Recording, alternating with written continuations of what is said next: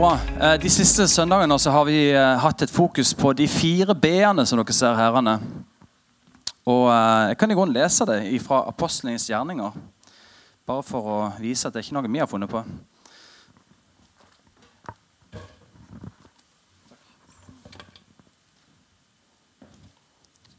Bare litt sånn innledningsvis for å sette det i en kontekst. For Det står i Apostelens gjerninger kapittel 2, vers 42, så står det de holdt hele tiden, altså de kristne, de første kristne holdt hele tiden urokkelig fast ved apostlenes lære. Der har du ben, Bibel, læren. De holdt urokkelig fast ved samfunnet, fellesskapet, eller brorskapet, som vi har kalt det for. De holdt òg urokkelig fast ved bønnene, altså bønnen. Så når vi kommer sammen til gudstjeneste, det å bruke tid sammen i bønn er helt essensielt. De holdt urokkelig fast ved bønnen. Og Den siste tingen var brødsbrytelsen, og det er det jeg skal snakke litt om i dag. Vi kaller det for nattverd. På engelsk heter det communion eller the Lord's supper eller the last supper. Det er mange ulike ord og benevnelser og titler på dette måltidet. Og Jeg skal ta, ta dere med på en litt sånn reise. Hvorfor i all verden holder vi på med dette? Eh, hvis dere er sånn som meg, De aller fleste, om du har vært vant til kirka, eller kanskje kjenner til kirka, eller har vokst opp i kirka, eller hva som helst, så har en en form for en relasjon til nattverd. Noen kommer fra settinger der nattverd det er kanskje noe jeg ikke kan gå til. Eller kanskje ikke til og med I noen settinger så er det sånn du får ikke lov pga. det eller det eller det. Noen har en tanke om at ja, det er bare en eh, religiøs uh, skikk. Det er ulike følelser og erfaringer med nattverd. Men uh, jeg har lyst til å undervise litt kort hva faktisk nattverden er for noe. Og hvorfor det er så viktig, og hvorfor, hvorfor det har en så enorm betydning for meg og deg òg i dag. Det er et måltid som de kristne har feira nå i snart ca. 2000 år. Men det går enda lenger tilbake faktisk. Dette er en måltid, eller denne, det vi markerer. da. Eh, og det har jeg lyst til å ta, med, ta dere med i. Er dere klare for det? Ja, så bra. Du vet, Feriene, når det er høstferie, vinterferie, juleferie, påskeferie, det er da en ser kjernen. Altså, det er da vi vet hvem vi egentlig har med å gjøre her i kirka. Det er da de harde, trofaste, solide, urokkelige vi kjører på-folkene kommer. Så nå, nå, vet vi liksom, ok, nå vet vi, ser vi konturen her. Nei, det er bare tøyse. Det er godt med ferie. Det er viktig å ha ferie. Og så er det òg godt og viktig å komme sammen hvis en er hjemme og er frisk. Jeg har nettopp overlevd eh, en satser til Gud at det fremdeles er sånn. Jeg har klart å ri av en omgangssykestorm hjemme. Eh, han minste, han eldste er fremdeles syk. da. Men i Jesu navn så skal jeg ikke ha dette tøyset. Det trenger jeg ikke nå.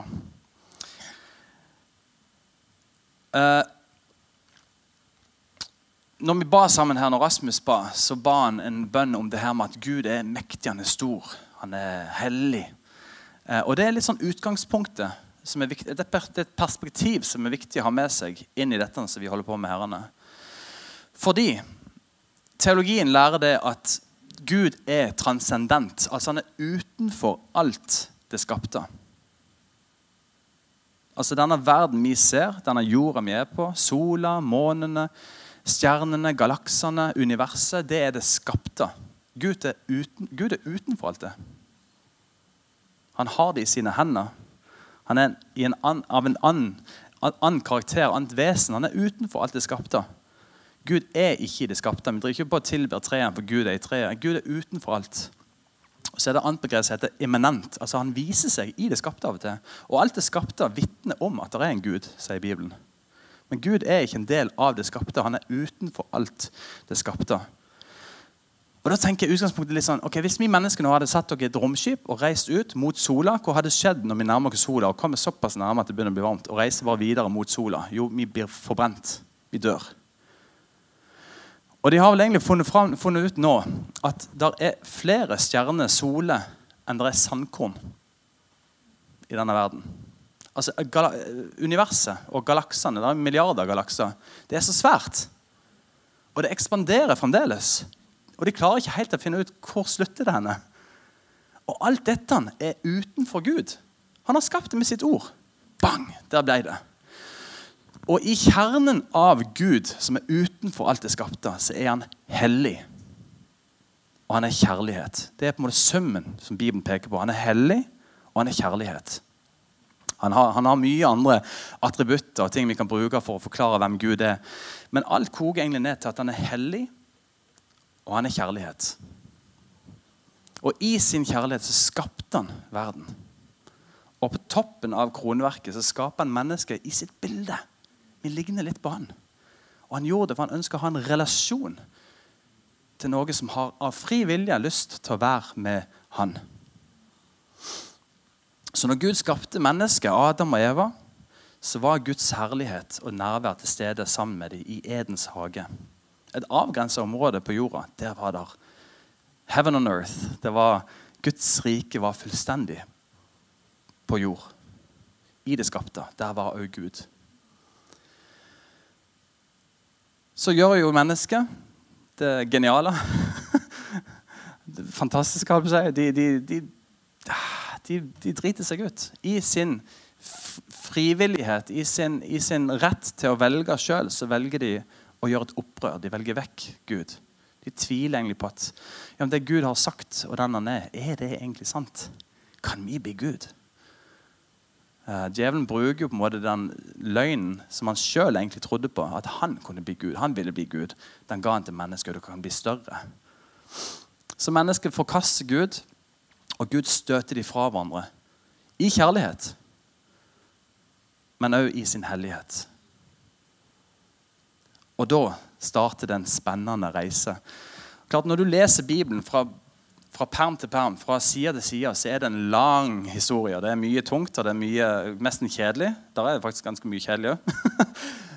Men når du får på en måte litt sånn fugleperspektiv i grove trekk, så er det en fantastisk historie. Altså Det er en helt enestående historie. Du kan ikke, du kan ikke finne det opp sjøl engang. Det er så ekstremt eksepsjonelt og spesielt. For det som gjør er at Gud han lover jo idet han kaster ut mennesket, sier jeg skal fikse dette jeg skal ordne opp i dette. I min kjærlighet skal jeg fikse dette. Han profeterer ut om at det skal komme eh, Det står at ved en kvinnens hæl skal knuse slangens hode. står det. Eh, og, og, Han vitner om at det skal komme en frelser som skal gjenopprette det hele. Og Det ser du gjennom hele Gamle testamentet, om at de loves om at det skal komme en som skal gjøre, gjøre dette rett igjen.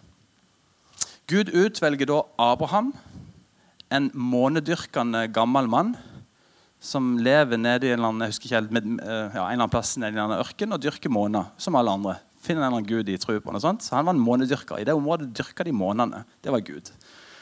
Så det er perspektivet. Han var ikke en kristen, rettferdig mann. Han var, han var alt annet enn det. Men Gud åpenbarte. Han viste seg foran, og så kalte han han til et annerledes liv. Så føder han Isak. og Jeg skal ikke ta hele slektstrevet nå. Men det som skjer, er at Gud vel, utvelge seg et folk som han, vil, uh, som han ønsker å opprette en pakt med.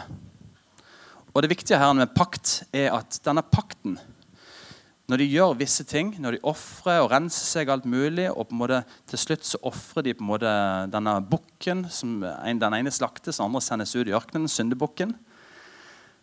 Um, når dette skjer, så opp, gjenopprettes relasjonen med mennesket og Gud.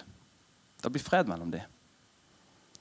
Så hvis mennesker gjør sånn og sånn og sånn, og sånn, og sånn, så kan Gud velsigne dem og overøse dem med velstand og framgang og helse. og Gud beskytter dem. De har, de har bare framgang, rett og slett. Pga. denne pakten. Dette, det står i Gamle om dette bordet. Offeralteret kan du kalle det for. Og så går du fram til, Hvis du leser i Malaki, den siste boka i Gamle testamentet, så er Malaki eh, frustrert. For israelsfolket igjen har begynt å tulle og herje. og eh, de, de, gjør fremdeles tradisjonene, de ofrer fremdeles, men de gjør det veldig halvveis.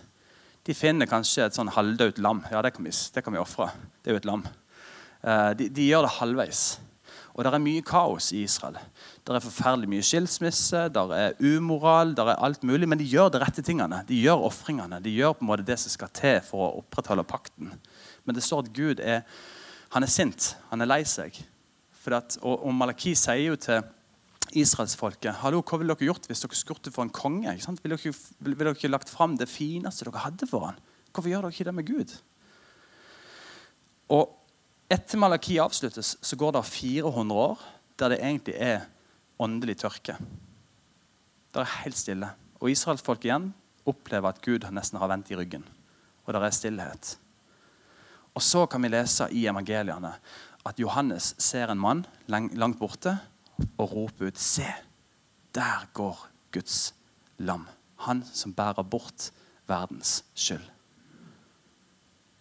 Og alle jødene som sto og hørte på dette, denne, dette ordet som Johannes forkynte ut, visste med en gang at her snakker han om syndebukken. De visste hva det her handla om. for noe. Bukken som bare sendes ut i ørkenen for å dø, for å ta bort skylden til folket. De visste at wow, det, det, han snakker i, i, i, et bilde herrene, der, er, der er, her kommer Messias, den lovede, han som skal bære bort verdens skyld.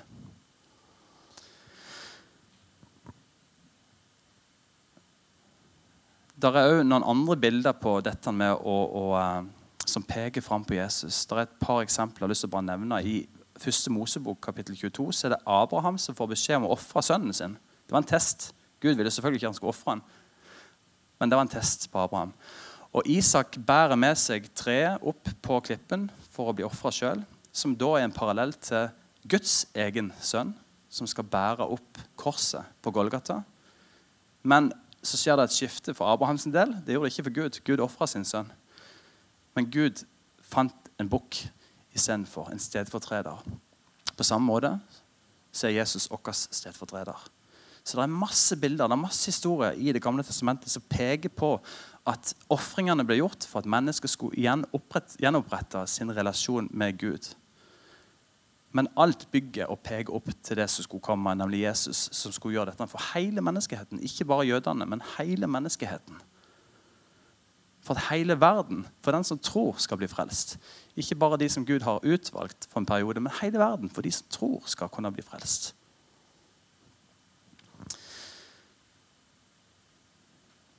Så Gud han oppretter en pakt med israelsfolket. Og det er Den gamle testamentet, den gamle pakt, har du kanskje hørt om.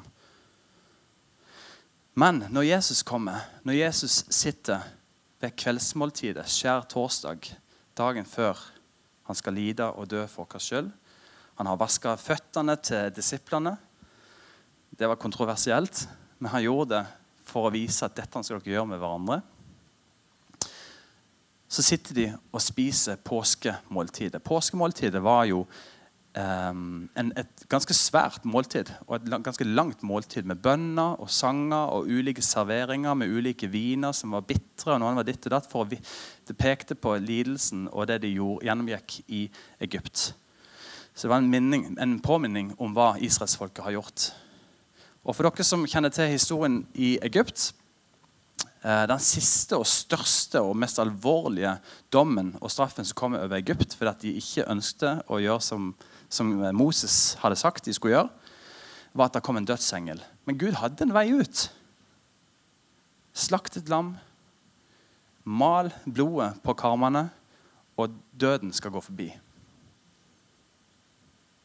Så dette minner de. At Gud var trofast, han var rettferdig, han var hellig. Altså, det er ganske alvorlig. Ja, altså, kan du tenke deg Gud som har skapt denne verden. Hvordan i all verden skal vi dra ned på et nivå der han er bare en liten teddybjørn? der vi kan gjøre hva vi vil, og, å, så koselig. Han er hellig. Han er mektig. Han kan knipse seg alt ferdig. Vi, vi, kan drukne hvis vi hopper ut i vannet. Vi brenner opp hvis vi reiser nærmest sola. Og dette har han bare skapt med sitt ord. Og han holder det i sine hender. Hvordan våger vi å dra ned på et nivå der ja, jeg liker ikke han kunne ikke brydd seg noe mindre. Han har gjort alt. Han har gitt sitt eget liv for at meg og deg skulle ha en relasjon med han igjen. Så da sitter da altså Jesus ved bordet sammen med disiplene sine. Og de spiser dette måltidet. Og jeg, jeg vet ikke hva som har gått gjennom hodet på disiplene. Men skal ta, jeg skal bare lese fra uh, Matteus. Se her skal vi høre hva han sa for noe.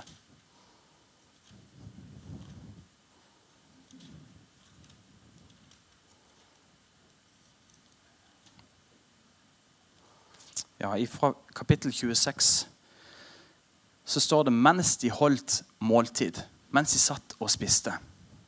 Midt i måltidet så bryter Jesus opp og bryter på mange måter tradisjonen.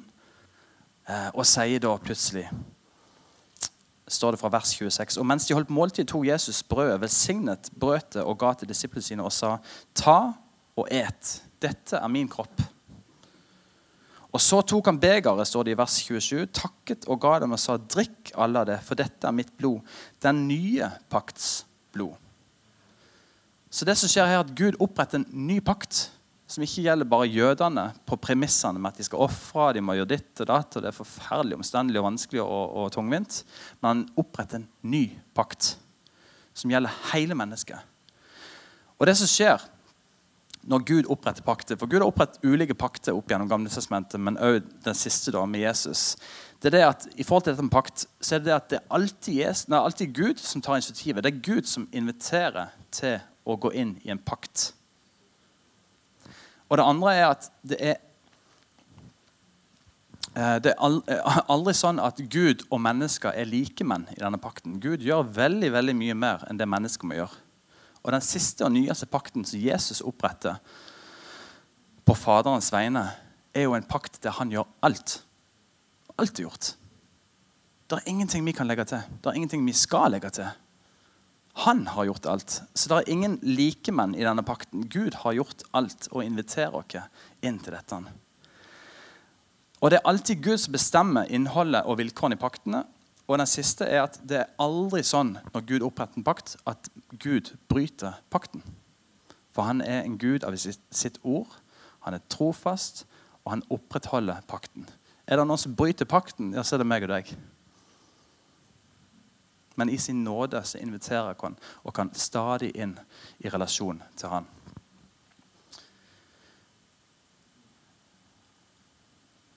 Så det som skjer når vi da tar nattverd For hvorfor feirer vi nattverd? da? Hvorfor skal vi gjøre det nå? Det er jo gjort. For Det første og egentlig det siste er jo det at Jesus sa at vi skal gjøre det. Han sa vi skal gjøre det.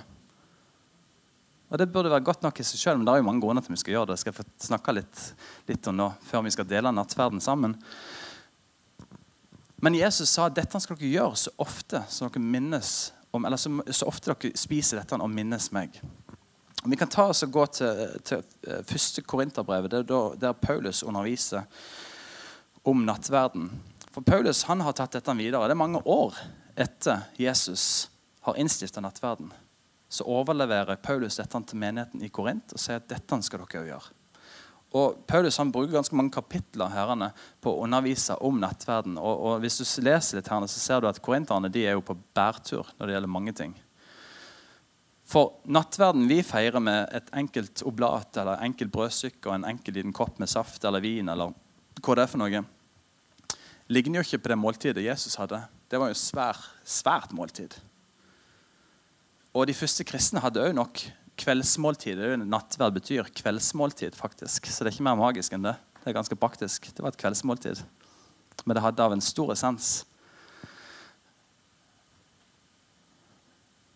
Så det som var vanlig da, var at de samla rundt et svært bord, og det var fest. Det var mat, og det var vin og alt mulig. Men gjengen i Korint de hadde dratt det for langt. Der var det sånn at det ble jo en fyllefest. Bokstavelig talt. Eh, og de rike de spiste mest og drakk mest, for de antageligvis kjøpte inn det meste. Og de fattige de fikk bare noen smuler. Så det hadde jo kommet helt på avveie. Så i kirkehistorien så er det en grunn til at vi bare har det så enkelt som det. Og det er fordi at de så at det skeia ut. Det ble noe helt annet enn det det egentlig skulle være. Det ble en fest, og det ble utskeielse, og det ble forskjell på rike og fattige. Så det de har gjort, er at de har kokt det ned til det simple. Vinen, brødet og minnelsen og proklamasjonen og hyllesten til Jesus som har gitt dette til dere. Men jeg tenker jo det. Og Her skiller på en måte pinsevenner seg kanskje litt ut fra den kirke, norske kirke og metodistene og frikirka. og sånt. Jeg vil si gå hjem og del nattverden med hverandre. Ta den for deg sjøl om det var så. Ta den på kveldsmåltidet sammen med den du er gift med. Gjør det sammen med venner. Gå på kioskheimen og del det med din far eller din mor. Bryt brødet, drikk vinen så ofte som du ønsker. Du trenger ikke en pastor eller prest, du trenger ikke å skje inn i et vigsla bygg. Nei. Det er noe du deler når du kjenner at nå skal det deles. Og Det kommer jeg òg litt inn på seinere. For nattverdsmåltidet er, det er spesielt, det er hellig, men vi må ikke gjøre det til noe annet enn det det er. Det var et kveldsmåltid med venner der Jesus sa dette er mitt blod, og dette er min kropp, gitt for dere. Og Det kan du gjøre hjemme, det kan du gjøre når det begynner å bli tøft. Det kan du gjøre når du opplever motstand, det kan du gjøre sammen med den du er glad i. Gjør det så ofte som du vil, når du trenger det.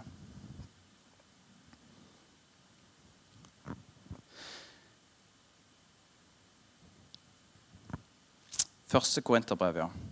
kapittel 11, vers 23. Så er det Paulus som skriver. For jeg har mottatt fra Herren det jeg også har overgitt til dere. At, Jesus, Herren, ja, unnskyld, at Herren Jesus i den natt han ble forrådt, så tok han et brød, og da han hadde takket, så brøyt han det og sa, ta og et. Dette er min kropp som er brutt for dere. Gjør dette til minne om meg. På samme måte tok han også begeret etter måltidet og sa, dette beger er den nye pakt i mitt blod. Gjør dette så ofte dere drikker det, til minne om meg. Hvor ofte skal vi gjøre det? Hvor ofte skal vi gjøre dette? Så ofte dere drikker det, så ofte dere spiser det. Det er ikke noe vi trenger å gjøre en gang i måneden når vi kommer sammen som kirke, eller en gang i året, som jødene gjorde før. Gjør det så ofte som dere drikker og spiser dette. Gjør det, når det, jeg tenker, gjør det når det trengs. Gjør det når du kjenner nå trenger virkelig å bare proklamere ut til åndeverden at jeg tilhører Jesus Kristus. Løftene tilhører meg. Jeg er et Guds barn. Gjør det når du trenger det så står det her For så ofte dere eter dette brød og drikker av dette begeret, så forkynner dere Herrens død inntil Han kommer. Når vi forkynner Hans død, hva betyr det egentlig? Hva betyr det å forkynne Jesu Kristus i død? Det betyr å forkynne Hans seier. For, for hvem? Hvem er det vi forkynner dette for? Det står at vi forkynner det. Hvem er det vi forkynner det for? Er det mennesker? Nei, ja, for så vidt. Vi forkynner det for åndeverden. Vi forkynner ut at jeg sitter med Herrens bord. Der er fred mellom meg og Gud.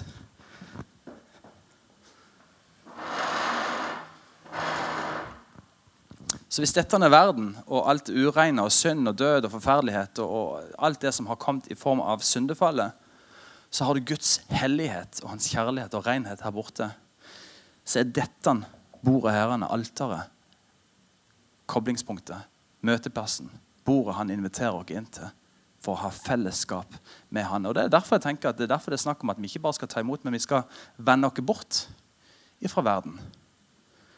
Og at vi kan sette oss ned ved bordet og ha et festmåltid der vi ikke blir fulle av vin, men blir fylt av Hans ånd. Der vi sånn sett ikke bare blir mette av maten, men at Han er vår mat. Han er vår sjels mat. Han er den som tilfredsstiller. Han er den som gir av sitt liv. Så når Gud inviterer oss inn til fred og forsoning og en relasjon med Han, så inviterer han oss inn til hans liv. Til hans liv. Vi får ta del i hans liv. All hans velsignelse, all hans godhet, kjærlighet. Alt det han har, inviterer han oss inn til. Og hva, hva, hva, skal vi gjøre? Skal vi ofre, styre, og herje og slakte et lam? Nei. Han har gjort det. Jesus Kristus ga sitt eget liv for at vi skulle slippe alt det greiene. Han gjorde det. Når Jesus hang på korset, så ropte han ut det er fullbrakt. Det er ferdig. Nå er det gjort. Og han døde, som et offerlam skal gjøre. Men Gud reiste han opp igjen ifra grava. Han lever den dag i dag. Og Det fantastiske er at det er ikke bare en liten sånn, verd, ikke verdslig, men sånn fysisk greie at, at en, men, Jesus døde, og vi feirer sånn. Men, men det som skjer, er at vi blir plutselig en bolig for Hans ånd. Fordi at vi er rettferdiggjort. Jeg er et hellig menneske innenfor Gud. Og Det er jo den relasjonen vi inviterer oss i. Ikke at vi bare skal sitte her som det stakkarslige mennesket jeg er. Men når jeg tror på Han og sitter til bords med Han, så gir Han av sin ånd til mitt liv. Så jeg får lov til å ta del i hans liv. Og Da har jeg lyst til å gå ei side bak til kapittel 10. Som sagt så underviser Paulus korinterne litt om hva nattverden er, hva de skal gjøre og ikke gjøre, for de hadde totalt mista det. De levde sånn som de ville. Og i kapittel 10, vers fra 14 til 22 egentlig, Det henger sammen 14 til 22. Men her står det, Jeg skal lese fra vers 19, egentlig. Eh, nei, vers 21 kapittel 10 i 1. Korinterbrev, vers 21, så står det Paulus skriver Dere kan ikke drikke av Herrens beger og demoners beger. Eller onde ånders beger. Dere kan ikke delta både ved Herrens bord og ved onde ånders bord. Seinere i det andre kapittelet som jeg leste om i sted, så står det at, at pga. deres måte å ta nattverden på, pga. måten deres livsførsel var For det de gjorde, de kom sammen på søndagen eller lørdagen, eller hva tid de kom sammen. Feira nattverden, ba sammen, hørte ordet, oppmuntra hverandre, var sammen. Og det virker som det sklei ut og å bli bare en, en verdslig fest til slutt. På mandag så gikk de ut, og så satte de seg med andre alterbordet, der de ofra til andre ånder, til andre guder. De var opptatt av å få mat. Og så levde de sitt liv på sin måte. Litt sånn på samme måte som du har i Malaki, der israelsfolket ja, de ofrer fremdeles, gjør det de skal, går i kirka på søndagen, ber litt, lovsynger litt. Og så går jeg ut på mandag, og så Nå begynner livet mitt. Nå kan jeg endelig gjøre det jeg har lyst til å gjøre. Altså, Kall det et lunkent liv, der du gjør religiøse ritualer og handlinger, men det er ikke noe liv i det. Og Paulus irettesetter dem. Du kan ikke sitte med Herrens bord, og så på mandag så går du ut og setter deg med demoners bord. Dere skal holde dere vekk fra sånne ting. Og det han sier at, at Vend dere vekk fra denne verden. Vend, dere vekk fra denne måten å leve på. Dere er i verden, dere, dere er ikke lenger av denne verden. Så ikke ha omgang med urene ånder. Og er det en ting i denne vestlige delen av verden vi kristne har nærmest neglisjert eller trykt litt vekk, så er det hvordan makter og myndigheter og ureine ånder fungerer i denne verden. Nå, gir vi alle slags sykdommer diagnoser, og så skal det fikses med en eller annen medisin eller en eller annen greie. Eh, når vi kjenner på det ene og det andre av ting som bare trykker oss ned. Vi tenker at det er helt greit å holde på med det og det og det og det, og gjøre det og det og det, og det for jeg er jo kristen. Jo, jeg går jo på møter. Jeg tar jo nattverd. Men Gud han kaller dere inn til et liv, en relasjon med Han. Så vi kan ikke sitte både med nattverdsmåltidet og ta del i hans velsignelse og liv og tenke at dagen etterpå så går vi ned og setter vi oss med onde ånders bord. For hva er, det, hva, hva er, det, Gud inviterer oss til? Å gi oss sitt liv. Hva er det onde ånder? Hva er det djevelen? Hva er det hans demoner gjør for noe? De ønsker å invitere til sitt liv. Og, og dette er jo litt, sånn, ja, litt ubehagelig å snakke om. for det må ikke bli så veldig åndelige av oss. Men hallo! Er det noe vi vet, så er det at det er en åndsdimensjon. Paulus er kjempetydelig. Dere har jo ikke en konflikt eller krig mot mennesker. Se bak det. Hva er det som foregår bak fasaden, bak sløret? Det er en åndskamp. Og derfor, som kristne, når vi setter oss til bords med Han for å få livet, for å få velsignelsen, for å ta del i gleden og kraften og styrken, så er det her vi må bli sittende. Det betyr ikke at vi skal være i kirka hele tida. Det betyr ikke at vi bare skal være med kristne venner. Det betyr at vi skal være bevisst på hva slags liv er det jeg lever. Hvem, hva slags krefter er det jeg har med å gjøre? Hva er det jeg følger meg med? Hva er det jeg hører på? Hva er det jeg ser på? Hva er det jeg holder på med for noe? Hva er det jeg bruker min kropp til for noe? Paulus skriver at det er derfor det er så mye sykdom blant dere. Det er derfor dere er så svake, og det er derfor noen av dere har dødd før dere egentlig skal dø. Hvorfor? For dere vanærer det Gud har gjort, sier han. Dere tar det for gitt. I Malaki så har vi et israelsfolk som har glemt, satt blikket sitt bort fra Gud og glemt hvorfor de gjør det. De gjør det bare sånn halvveis nå, for vi skal jo gjøre det. De har glemt hvorfor. Og Det er det òg dette måltidet gjør. Det minner oss på hvorfor. For vi skal gjøre det til minne om Jesus. Vi skal minne oss på hva er det han har gjort for oss? Jo, han har slutta fred mellom meg og Gud. Jeg får nå lov til å ta del i all hans velsignelse, all hans kraft, all hans helbredelse. Jeg er skyldfri pga. Jesus Kristus. Han har båret det opp på korset og tatt all straff. Du kan kanskje tenke deg at Hvorfor all verden straffer Gud? Er det så kjærlig? Altså Hvis Gud er kjærlig, straff, er det, så, er det så kjærlig? Ja, det er jo det. Jeg tenker En kjærlig Gud som ikke straffer, som der ikke er konsekvenser, er jo eh, minner meg en eller annen sånn dement dude som sitter der oppe og bare ja, det går bra. Hvis noen hadde kommet bort, hvis jeg hadde gått med gutten min på gata, og noen hadde dytta han min lille gutt, ut i veien så en bil kjørte på han, jeg hadde jo blitt kjempesint. I kjærlighet, selvfølgelig. For jeg elsker han. Så synd er jo bomma på målet. Synd er jo med å skape elendighet og lidelse og død og sykdom. Synd er ikke av Gud, så Gud hater det så høyt fordi han elsker oss. Og derfor, hvis han skulle vært rettferdig som han er, så måtte noen lide. Noen må straffes. Sønnen skal hans Guds vrede skal ut over synden. Men den tok Jesus. Jesus tok det på seg. Sånn at meg og deg kunne ha fred med Gud. Og Dermed har Gud oppfylt at det at han ønsker å slutte fred med mennesket, men han har òg utøvd sin vrede, dom og straff over all synd på Jesus Kristus. Så Derfor feirer vi eh, nattverden. Det er ikke bare et minnemåltid, for minnestunder det har vi etter mennesker har dødd. og Det gjorde jo Jesus, men han sto jo opp igjen òg. Så står det at vi proklamerer dette ut hver gang vi tar det. Og Det tenker jeg er viktig. Vi proklamerer ut for denne åndeverdenen at jeg tilhører Jesus Kristus. Ingen ånder, ingen krefter, ikke noen ting av ureine ting har lenger makt over meg, har innflytelse på meg, tilhører ikke meg, har ingenting med meg de skulle ha gjort. Jeg tilhører Jesus Kristus. Det står i uh, jeg lurer på om det er Galaterne, jeg husker ikke helt nå, men det står der at når Jesus hang på korset, så utstilte han eh, på en måte de på samme måte som en konge gjorde i krig.